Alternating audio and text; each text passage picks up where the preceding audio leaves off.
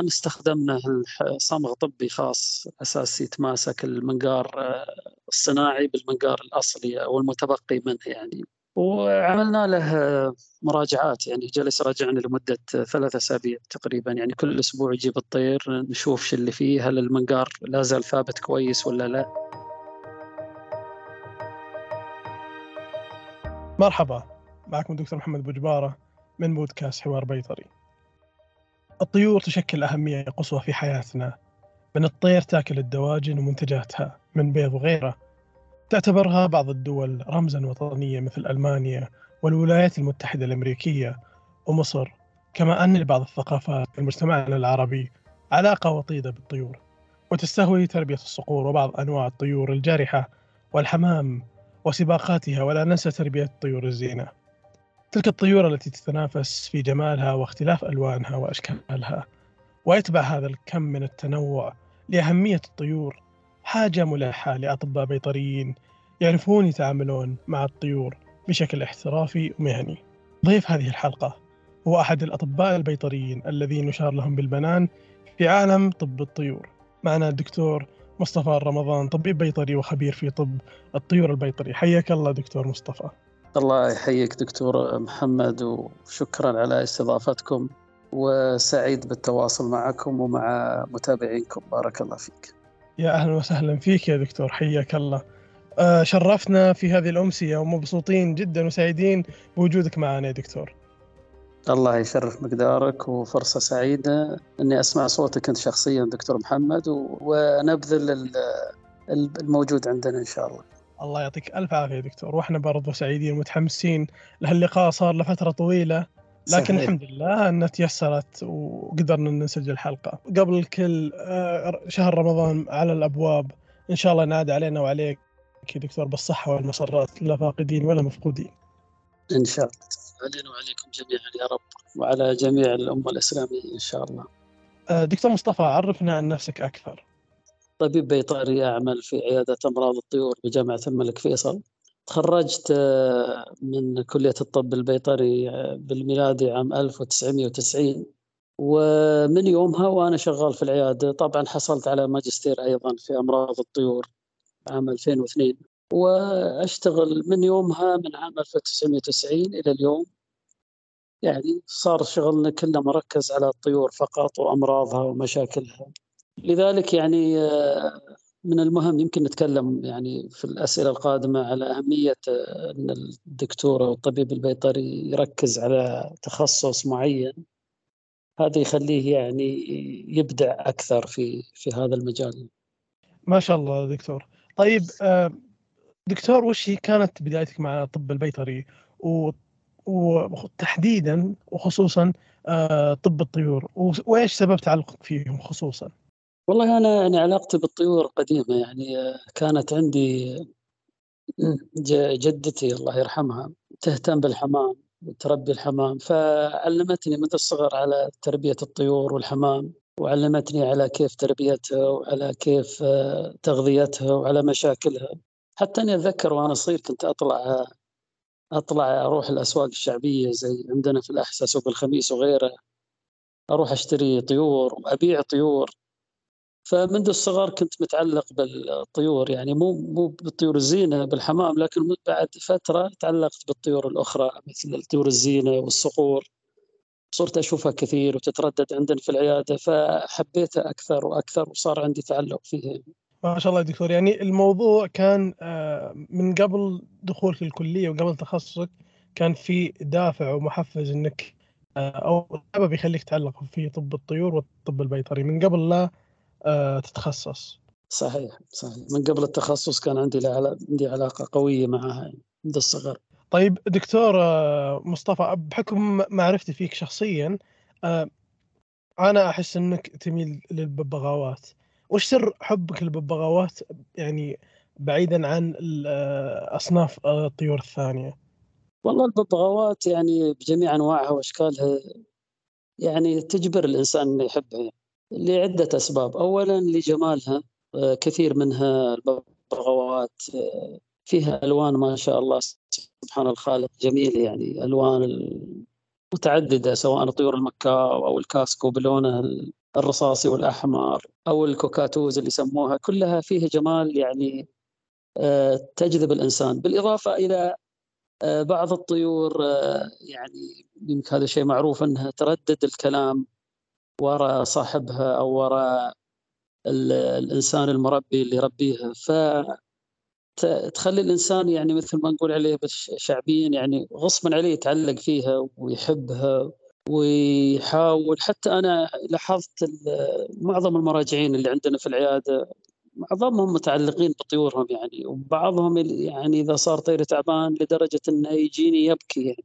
تحس كأن الطير هذا أحد يعني اولاده أو أحد أفراد أسرته يعني. فهذا شيء يعني يعني يرغب الإنسان ويحببه في في تلك الطيور جمالها واصواتها طبعا أصوات الببغاوات والكاسكو ما هي ما هي حلوة يعني. لكن الطيور الأخرى المغردة زي الكناري وغيرها أيضا أصواتها ما شاء الله جميلة يعني. طيب دكتور ممكن يعني يكون العمر الببغاوات أو عمر الطيور بشكل عام كون إنها تعيش الفترة خلينا نقول فترة طويلة توصل ل 20 سنة.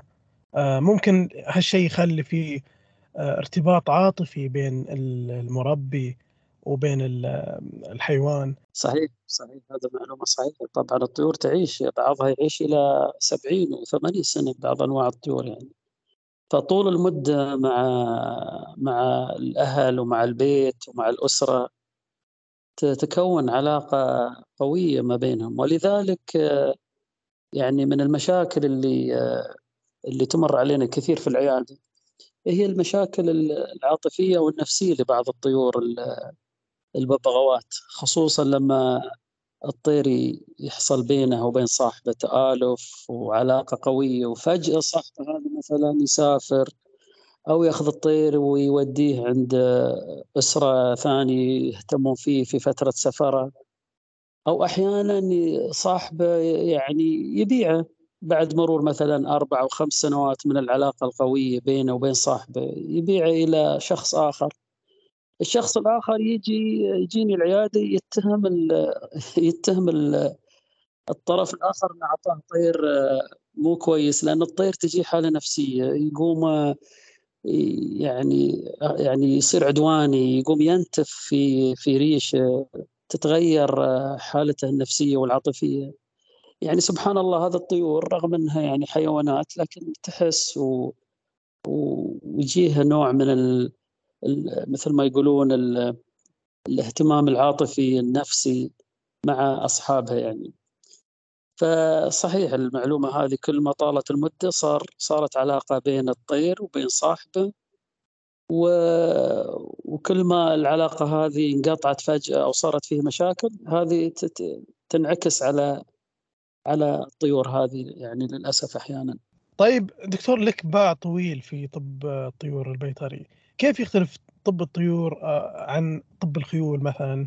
آه، عن الحيوانات الأليفة الأخرى مثل القطط والكلاب والماشية وخلافهم؟ والله طب الطيور يعني هو في الأخير الطب بيطري لكن يعني آه، الاختلافات في التشخيص تختلف مثلا آه، يعني هي تتشابه في في في بعض المجالات وتختلف في بعض المجالات. يعني مثلا فيه المناظير في الخيول موجودة أيضا في الطيور فيه الاندوسكوبي اللي يستخدم في الطيور. آه، نستخدم طبعا الأشعة في الخيول ونستخدمها في الطيور نستخدم التحاليل الدم.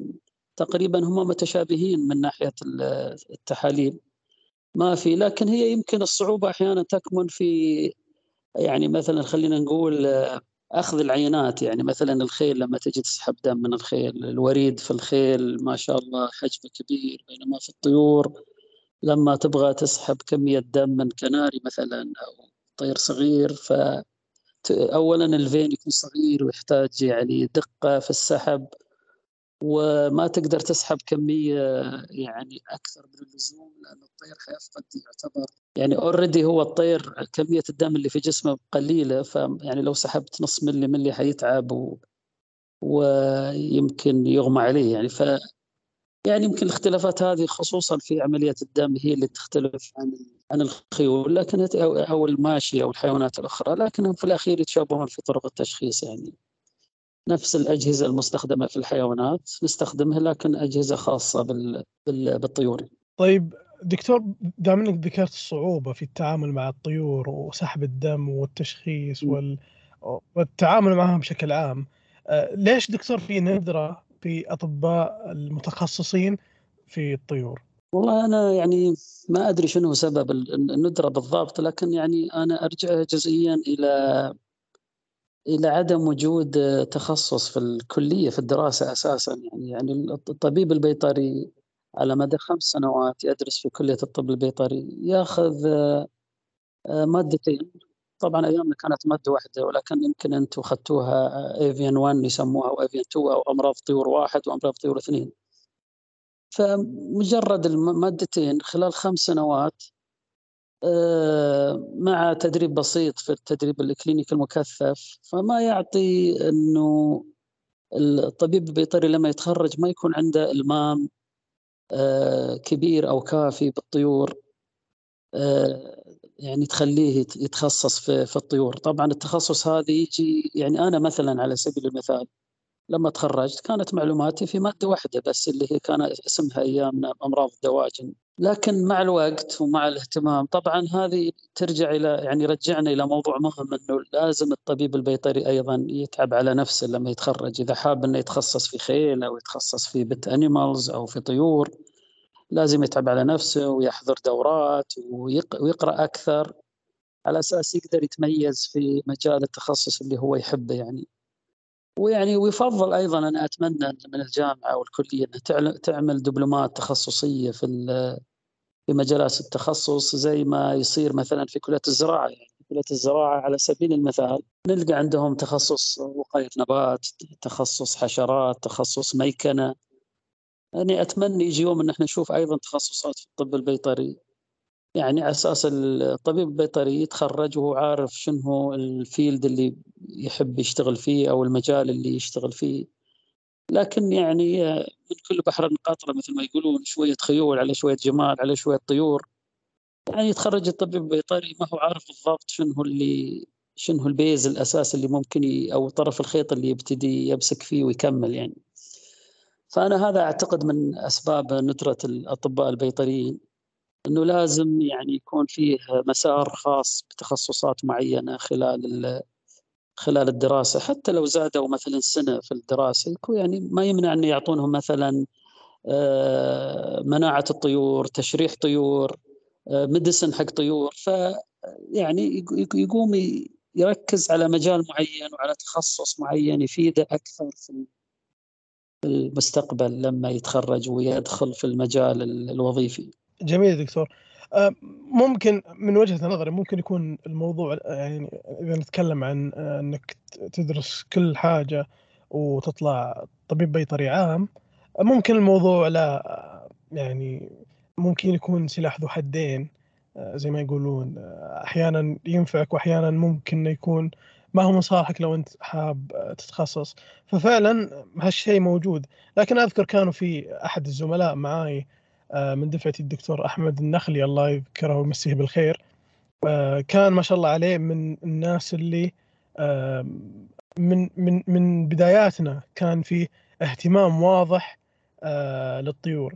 أذكر برضو في زميلي برضو أمسي عليه بالخير دكتور كميل الخواهر برضو كان نفس الشيء. ففي بعض الناس سبحان الله كان في لهم توجه وحب واضح يعني أو تميز في بعض الأشياء فكان فكانوا الشباب ذول اللي ذكرت اسمائهم ولا يهونون الأطباء الثانيين أو الزملاء البقية لكن الاثنين ذولي هم اللي لاحظت فيهم فعلا إنهم كانوا اللي كان فيهم رغبة وحب إنهم يشتغلون في مجال الطيور. طيب دكتور إحنا الحين تكلمنا عن تخصص طب الطيور بشكل عام خلينا نقول. طيب أنا الحين بتكلم عن العيادة، العيادة ككاريزما كيف كيف تختلف؟ أو العيادة عيادة الحيوانات الأليفة الخاصة بالطيور كيف تختلف عن أي عيادة ثانية؟ والله يعني ما شاء الله العيادات طبعا يعني أيضا أمس بالخير الشباب اللي ذكرتهم الدكتور أحمد ودكتور كوميل يعني معروفين. دائما كانوا يجون عندي في العيادة لما تحصل لهم فرصة مناسبة وفراغ لأنه الواحد إذا حب شيء دائما يركز عليه أكثر يعني. عموما آه، أنا ما أرى فيه يعني كتجهيز العيادات الخاصة الموجودة حاليا للحيوانات الأليفة وللطيور في ال في ال في, ال في ال field. هي تقريبا كتجهيز يعني تقريبا ما تختلف عن عياداتنا حاليا في المستشفى البيطري. يعني يمكن إحنا عندنا تميز في بعض الأشياء اللي نتميز عنها عن بعض العيادات. على سبيل المثال مثلا إحنا عندنا ال PCR أو تحليل ال DNA هذا حق الأمراض. يعني هذا يعني يعطينا دفعة قوية في التشخيص الأمراض آه، اللي إحنا suspected أو نشك فيها لما نرسل ال PCR. عندنا المعمل ال bacteriology وال mycology يعني مجهز ما شاء الله. الميديات متوفرة كلها واختبار الحساسية واختبار العزل الفطري لل fungus وغيره. آه، عندنا أيضا آه، يمكن إحنا نتميز أيضا في التشريح يعني حالات كثيره في العيادات الخاصة يحولونها لنا في عيادة أمراض الطيور. لما تصير عند أحد المربين أو المنتجين مشاكل نفوق فيحولونها للعيادة عندنا على أساس نعمل لها ال post mortem أو التشريح المرضي ونشوف شنو المشاكل اللي فيها يعني. لكن في بقية يعني بقية الأدوات التشخيصية أنا أعتقد موجودة عند العيادات الأخرى زي ال X-ray والمنظار وتحاليل الطفيليات والديدان لكن يظل يعني المستشفى بال يعني يظل متميز بالستاف الموجود اللي فيه من أعضاء التدريس ومن وزي ما قلت لك من تجهيز مخبري مميز حقيقة يعني. فخلينا نقول نعتبر إحنا كمختبر أو عيادة مرجعية لأمراض الطيور. ما شاء الله يا دكتور وبالفعل يعني المجهود واضح والتجهيزات جميلة وأنا عشان هالشيء تحديدا أنا تطرقت لهالسؤال. طيب دكتور إحنا كأطباء بيطريين لما نتعامل مع طب الطيور دائما تصير عندنا آه، حاجة للأدوية البشرية نعم. برأيك هل هل هل الحاجة للادويه البشرية بحد ذاتها هل, هل تعتبر مشكلة؟ أو إنها تتوقع يعني ما في أي مشكلة يعني وش هو رأيك في هال الوضع هذا؟ والله إحنا يعني في عياده أمراض الطيور دائما نركز على استخدام الأدوية البيطرية. نلجأ للأدوية البشرية صحيح خصوصا في المراهم مثلا الكريمات قطرات العين لبعض المشاكل المرضية. لكن ما نلجأ يعني إلا لما يكون غير متوفر في الصيدليات البيطرية بعض التجهيزات الخاصة بالطيور نلجأ للاستخدام البشري ويعني طبعا هذا يعتمد على آه، المادة الفعالة يعتمد على التركيز الدواء المستخدم يعتمد على وزن الطير فكل هذه لازم تؤخذ بالحسبان على أساس ما يصير يعني مشاكل للطيور من استخدام هذه الأدوية يعني. لكن إحنا نستخدمها على على نطاق ضيق على حسب الحاجة لها يعني. طيب يا دكتور من الذاكرة يعني وأنا أستحضر الذكريات في عيادة الطيور آه، كان في مرض عزيز خلينا نقول على قلبي محبب بالنسبة لي ويا ليت إنك تعطينا brief بسيط عنه اللي هو beak and feather disease والله ال beak and feather disease هذا طبعا يسمونه مرض آه، الريش والمنقار هو مرض يصيب الببغاوات طبعا أول ما اكتشف في أستراليا في فصيلة ال cockatoos أو الكوكاتو طيور الكوكاتو لكنه انتقل إلى يعني معظم أنحاء الكرة الأرضية للأسف يعني بسبب الاستيراد والتجارة الطيور. آه، هو مرض من اسمه beak and feather. غالبا يصيب الريش يؤدي إلى تساقط الريش. آه، الطير يعني آه، أحيانا ريشة كله يطيح من فوق رأسه إلى ريش الذيل أحيانا وأحيانا أجزاء معينة. أه طبعا للأسف هو مرض فيروسي ما له علاج هو السيركو فيروس يسموه. أه إحنا دائما ننصح صاحب الطير إنه يعني آه، يبعد الطير عن الطيور الأخرى على أساس لا ينقل لها عدوى. وهو ممكن الطير يعيش يعني كبت مع صاحبه يعيش سنوات أحيانا بعض الطيور ما عندها مشكلة بس بدون ريش. وبعضها تتعب يتأثر جهازها المناعي. آه، لكن معظم الطيور اللي أنا شفتها في العيادة مجرد أنها فقط ريشها يطيح. قليل أيضا يصيب المنقار لكن أكثر حاجة يصيب الريش ويأثر على جذر الريشة في في الجلد. فالريشه جذرها يموت فتسقط يسقط الريش. إحنا طبعا نشخص عن طريق ال PCR نأخذ عينات ريش ونرسلها للمختبر والمختبر يقرر هل هي positive ولا negative أحيانا طبعا إحنا ما نقدر نقرر بالنظر إحنا خلينا نقول نشتبه في إصابة. يعني حالات كثيرة أرسلنا عينات وجات منها negative يعني ما هي beak and feather لكنه موجود وأول واحد حقيقة يعني اشتغل عليه في رسالة الماجستير حقته عندنا في الجامعة دكتور علاء حكمي اللي هو الآن شغال في أمانة أمانة جيزان عمل دراسة على الطيور وهو من أول أوائل الناس اللي يعني طلعوه في السعودية تقريبا قبل حوالي يمكن ثمان أو عشر سنوات يعني. ما شاء الله تبارك الله طبعا معروف المعروف لا يعرف دكتور علاء حكمي نمسيه بالخير من هذا المنبر. آه، فعلا ما شاء الله عليه الدكتور له باع طويل. آه، في الموضوع هذا وشغال شغل ما شاء الله شغل جبار في أبحاث الربيان مع الربيان والأحياء المائية. ما شاء الله عليه الدكتور علاء الحكم فنمسي عليه بالخير. طيب دكتور يعني على على طال المنقار وبرضو أنا أسترجع الذكريات في المواضيع طب الطيور. قبل فترة أنا شفت لكم إنجاز النس يعني الصراحة أنا فخور فيه وأعتبره إنجاز عظيم وكبير.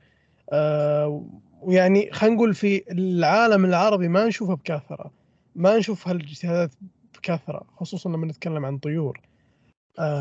كان عندكم مشكلة في حالة في المنقار حق ببغاء فأنتم سويتوا له منقار صناعي أو ركبتوا له منقار صناعي. فكلمنا عن هالحالة ذي. إي نعم هذه حالة صقر آه، تعرض إلى فايت أو مشكلة بينه وبين صقر آخر. أعتقد هذا بحسب كلام صاحبه. المهم بغض النظر عن السبب فقد جزء من آه، جزء من منقاره العلوي للأسف قبل سنة تقريبا أو سنة وشوي. ومن بعد الإصابة هذه المنقار ما نما يعني النمو المفترض أنه ينمو حتى جزء بسيط ما طلع فيه. فهو قال يا جماعة أنا تعبت وأنا أوكل الطير يعني أوكل الطير بأيدي بيدي كل يوم. وهو يعني الطير أبغاه يعتمد على نفسه أو على الأقل حطوا له شيء يعني كشكل يعني أو ك يعني كمنظر للطير أنه عنده منقار يعني. في الحقيقة إحنا ما سبق سويناها قبل كذا. هذه اللي أنت تتكلم عنها هذه أول حالة إحنا نسويها. فطبعا بمجهود حقيقة زميل الدكتور محمد العلي ما شاء الله عليه دكتور شاطر. قررنا إن إحنا نسوي. هو أبلغنا صاحبه قلنا له والله شوف إحنا إحنا ما سبق لنا سويناها. إحنا حنحاول يعني أول مرة. يعني. فجبنا قلم اللي يسمونه ال 3 دي مع تجهيزات حقته شريناها وجبنا أصياخ خاصة. فدخلناها في المنقار وصبينا عليها صب هذه من خلال القلم. وبعدين بردناه يمين ويسار وفوق على أساس يطلع شكله مناسب. وأيضا استخدمنا صمغ طبي خاص أساس يتماسك المنقار الصناعي بالمنقار الأصلي أو المتبقي منه يعني. وعملنا له مراجعات يعني جلس يراجعنا لمدة ثلاثة أسابيع تقريبا يعني كل أسبوع يجيب الطير نشوف شو اللي فيه هل المنقار لا زال ثابت كويس ولا لا؟ هل يحتاج أن إحنا نضيف عليه صمغ أو نعدل عليه أو نبرد عليه زيادة؟ إلى أن النتيجة النهائية ما شاء الله صار يعني بالشكل اللي يمكن أنت شفته في الصورة. و... والحمد لله أنا حسب كلام يعني آخر مرة قال أن الأمور ماشي كويس معاه يعني. الحمد لله مثل ما توقعت إن عمل يعني راح يكون متميز مثل ما ذكرت إنه إنجاز وأنا الصراحة معجب فيه ومهتم جدا للحالة هذه. يمكن اشتبه علي الموضوع أن ببغاء وصقر لكن عموما كان الموضوع جلل والصراحة شيء أنا ما ما ما أشوفه كثير في العالم العربي. أو يعني you deserve medal for this زي ما يقولون. الدكتور محمد العلي يستاهل والله دكتور محمد هو اللي اشتغل أكثر الشغل يعني. دكتور محمد العلي بعد ما شاء الله نعم يشيد بجهوده هو اللي اشتغل أكثر الشغل وهو اللي أصر إنه يسويها يعني. وطبعا صاحب صاحب الطير وداه عدة عيادات وقالوا له ما في ما عندنا إمكانية نسوي لها شيء. فهو صاحبه من الرياض فكلمنا عن طريق زميل أو شخص يعرفني يعني فقلنا له ارسل الصور ونشوف. لما يعني عزمنا نسوي قلنا له ارسل الطير ما في مشكلة. بس يحتاج إنك تجيب لنا كل أسبوع أساسا نتابع الحالة. طيب خلينا نطلع من جو الجراحة شوي ونتكلم عن بعض الكوابيس البيطرية خلينا نقول. عندك دكتور Newcastle coccidia avian influenza دي الكوابيس البيطرية. تكلم لنا عنها دكتور. والله يعني هي صريح في الحقيقة. كوابيس من اسمها يعني مثل ما قلت يعني تعبير مناسب. هذه كابوس لصاحب مزرعة الدواجن. أنت عارف هذه أمراض فيروسية. آه، مشكلة الأمراض الفيروسية أنها إذا دخلت في مزرعة وكانت يعني شديدة الضراوة ومناعة الطيور ضعيفة فتحصد كمية كبيرة من النفوق. وتعتبر يعني خسارة اقتصادية كبيرة للمنتج أو المربي أو المستثمر. ومشكلتها يعني النفوق أحيانا يصل إلى 40 50% فتصور واحد يعني نص يعني نص نص الحظيرة راح في خلال كم يوم بسبب إصابة فيروسية أو بسبب فشل تحصين فهذا لا شك أنه يعتبر يعني كابوس لصاحب المزرعة. مرت علينا يعني أنا على 30 سنة اللي قضيتها في العيادة والله قصص يعني مأساوية حاجات محزنة يعني. بس هذا سبحان الله طبيعة طبيعة الحياة زي ما يقولون. ولذلك يعني دائما نحث المربين على الاهتمام بال يعني ببرامج التحصين والاهتمام بال بالأمن الوقائي زي ما يقولون أو ال biosecurity هذه حاجات مهمة يعني. ف يعني الله الله الحافظ مثل ما يقولون. مع مع إن الملاحظ إن خصوصا في ال owners حقين الطيور ما شاء الله دائما يكون عندهم وعي ربما أكثر من الأشخاص الثانيين أو يعني عندهم وعي واضح آه، من ناحية الأمراض ما الأمراض. آه، أحيانا يجيك وهو عارف المرض يتكلم والله مثلا عندي نيوكاسل أو حتى يسمونها بالأسماء المحلية بورقيبه إلى آخره. فيعني ملاحظ عليهم الوعي ملاك آه، الطيور ما شاء الله عليهم. إي صحيح لا صحيح. خصوصا يعني هذا كلامك يمكن يرجعنا يمكن 15 سنة أو 20 سنة ورا. آه، صناعة الدواجن إذا بنتكلم على إنتاج الدواجن سواء لاحم أو بياض خصوصا اللحم. قبل حوالي 15 سنة أو أكثر كان المربين والمنتجين يختلفون عن المربين والمنتجين الآن لسبب بسيط طبعا.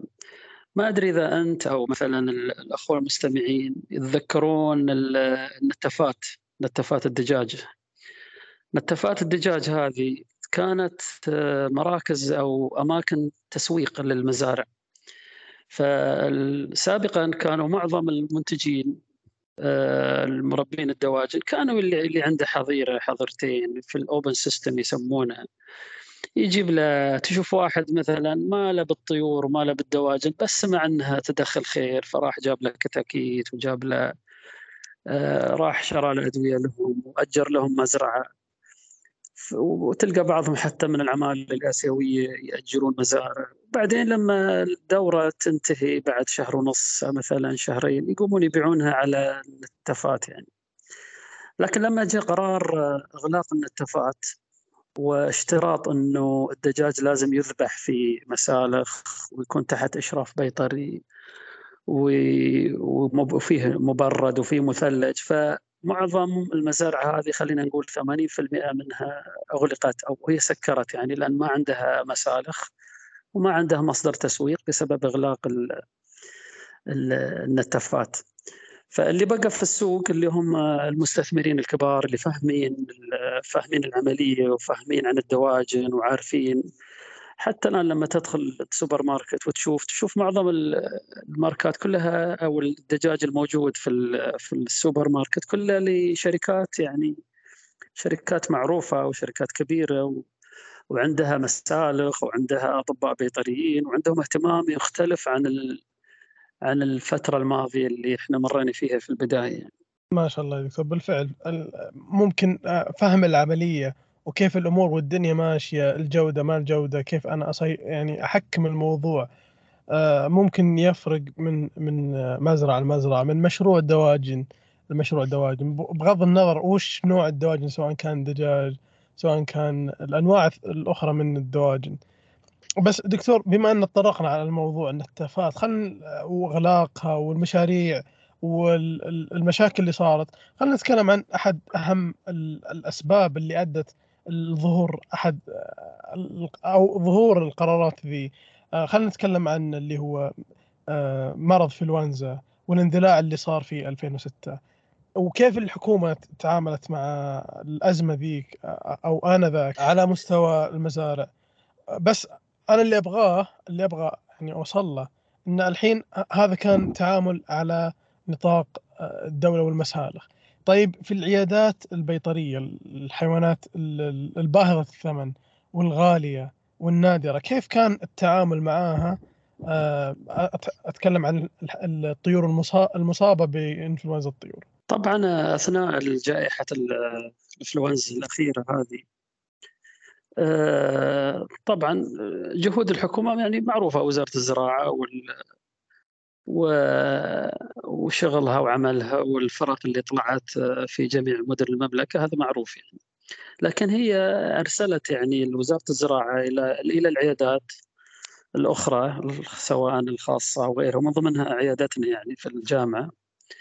إنه في بروتوكول معين إنه إذا أنتم اشتبهتوا في في حالة في حالة بإنفلونزا الطيور في رقم مجاني نتصل عليه أو نوجه صاحب الحالة إلى الاتصال على الرقم المجاني هذا وهم الوزارة يطلعون يروحون المكان الشخص هذا أو يلتقون فيه يشوفون الحالة اللي عنده شنو وضعها يعني ويأخذون منها عينات ويرسلونها إلى مختبر مختبر الزراعة. وإذا طلعت النتيجة إيجابية أو بوزيتيف يعني عندهم بروتوكول هم يقومون يعدمون الطيور الموجودة في المكان. في ال يعني ما أدري إذا تم تعويضهم أو لا بس كانت الآلية إنهم تعدم الطيور ويتم تعويضهم بعد فترة للطيور اللي تم إعدامها يعني. لكن الوزارة عممت على الكل إنه أي حالة اشتباه لازم تبلغون الوزارة. أو اللي يسمونها ال notify أو ال notification لازم هذا مهم يعني. فكان هذا هذا الإجراء المتبع انذاك إنه سواء كان طير مثلا خلينا نقول ب 300 ريال ولا 10000 ريال كله نفس البروتوكول. شوف شكيت على طول تبلغ. كان كذا الموضوع. إي صحيح والله. والله في طيور يعني حتى ببغاوات تم اعدامها يعني طيور غالية الثمن يعني. وأنا سمعت إنه حتى في ناس عندهم صقور أيضا تم إعدامها.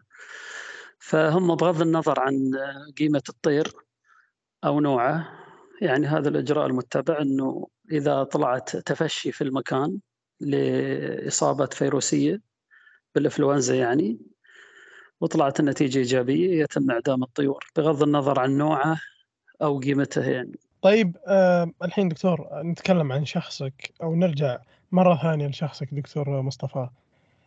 وش عندك إنجازات أو خلينا نقول قصص أو مواقف تفتخر فيها في عيادة الطيور؟ بعيدا عن موضوع المقال لأنها ما شاء الله تبارك الله. والله أنا يعني ما ما أقول إن عندي إنجازات. أنا أي حالة أنا يسعدني أكثر حاجة يعني أكثر حاجة تسعدني لما أعالج طير. ويروح ويجيني مثلا أو يكلمني بعد فترة يقول لي والله يا دكتور الطير تحسن الطير يعني طاب من المرض. هذا يكون بالنسبة لي يعني قمة السعاده أحس إني أنا يعني أحس إني أنجزت. ومو بس يحس إنك إنك تنجز أيضا يحسسك إنه يعني أو أو يعطيك فكرة إنه هل شغلك صح أو لا. لذلك أنا معظم مراجعيني أخذ أرقامهم وأنا اللي أتواصل معهم بعد فترة يعني بعد يوم يومين أقول له ها اللي صار في الطير؟ أه تحسن ما تحسن غير العلاج اعمل كذا تعال لي اليوم الفلاني. أبغى أشوف هل أنا يعني الشغل اللي جالس أسويه هو شغل صح ولا لا؟ لأن أنت ممكن يجيك طير في العيادة وتعطي علاج يروح. الطير هذا قد يكون مات قد يكون علاجك غلط قد يكون تشخيصك غلط. فأنت تبغى تتأكد هل أنت يعني ماشي في الطريق الصحيح ولا في الطريق الغلط لأنه على أساس تأخذ حذرك لل... للحالات الأخرى اللي تجيك بعدين يعني وتزيد معلوماتك إنه هل هذا التصرف صح أو تصرف غلط؟ هل ممكن تعديله؟ هل ممكن آه، تغييره؟ فهذا حاجة مهمة يعني. أنا ما أعتبرها إنجاز لكن أعتبرها سعادة لي أكبر لما يقول لي صاحب الطير والله يا دكتور الطير عال العال وممتاز وصحته كويسة. هذا بالنسبة لي إنجاز يعني. مما لا شك فيه دكتور بطبيعة الحال أي طبيب خلينا نقول عنده إحساس المسؤولية أو أو روح الطبيب إنه راح يكون يبادل و يبادلك الشعور ذا بال بال بال بالفرحة والبهجة لما يشوف في تحسن ويشوف ثمرة تعبه على ال patient حقينا. طيب دكتور مرة ثانية نرجع لشخصك آه وش هي هواياتك المفضلة؟ والله يعني ما عندي هواية خاصة لكن أحب أقرأ يعني أقرأ أي كتاب. يعني ما أختص بكتاب معين أي كتاب يعجبني عنوانه أو أحد يعطيني فكرة عنه. أحب إني أقرأ آه، أحب أتابع الكرة الرياضة يعني آه، أحب مشاهدة الأفلام والمسلسلات في وقت فراغي طبعا. ويعني بس هذه يمكن يعني أحب أسافر أحب أحب السفر خصوصا مع الأصدقاء مع العائلة. ما في هواية يعني مختلفة عن البقية الهوايات العامة اللي الناس تعرف ما شاء الله يا دكتور. في وفي شغلة ثانية ممكن ما يعني ما كانت محسوب حسابها في الأسئلة لكن في وش كان السر إنك كنت قريب من الطلاب؟ يعني الدكاترة الثانيين ما ما يهونون ولا يقولون شأنا عن من هذه الناحية لكن دائما كنت كانت في لك كاريزما آه، مميزة. يعني كان الطالب وقتها لما يجي للعيادة كان ياخذ ويعطي ويسألك بكل أريحية. فوش وش هو السر في هذا الموضوع؟ والله ما في ما في سر يا دكتور. الأطباء هذول يعني أنا أعتبرهم أنا يعني الآن وصلت عمر أعتبرهم في قد عيالي يعني. وأعتبرهم زملائي وأعتبرهم أطباء المستقبل وهم اللي إن شاء الله اللي حيقودون مسيره الطب البيطري في المستقبل. وبالعكس أنا يعني أرحب بأي سؤال أي إنسان يسأل أي سؤال. وإن شاء الله بعد الآن الحين الطالبات آه، بدأوا على التوجه الآن صاروا موجودين عندنا في العيادات وإن شاء الله كلها سنة وحيدخلون في الفيلد وينافسونكم يعني. فأنا يعني أحب أرحب بأي إنسان يسأل سؤال بالواتساب أو من خلال المقابلة الشخصية سواء طالب أو مراجع. بالعكس هذه تفتح آفاق يعني للتعاون. وعلى فكرة يعني يمكن فتحت لي نقطه مهمة. أنا على فكرة أستفيد كثير من من المراجعين. المراجعين كثير تستفيد منهم أحيانا من تجاربهم من قصصهم اللي يقولونها لك. من من تجاربهم يعني يمكن يعني الكل يسمع بالمثل اللي يقول أحيانا أسأل مجرب ولا تسأل طبيب يعني فالمجرب أحيانا لما يجرب شيء معين وتجرب طريقة معينة أنت أيضا يعني تستفيد من منه معلومة معينة فبالعكس التعامل مع الناس يعني بأريحية وب وبانفتاح هذا من مصلحتي أنا الشخصية يعني.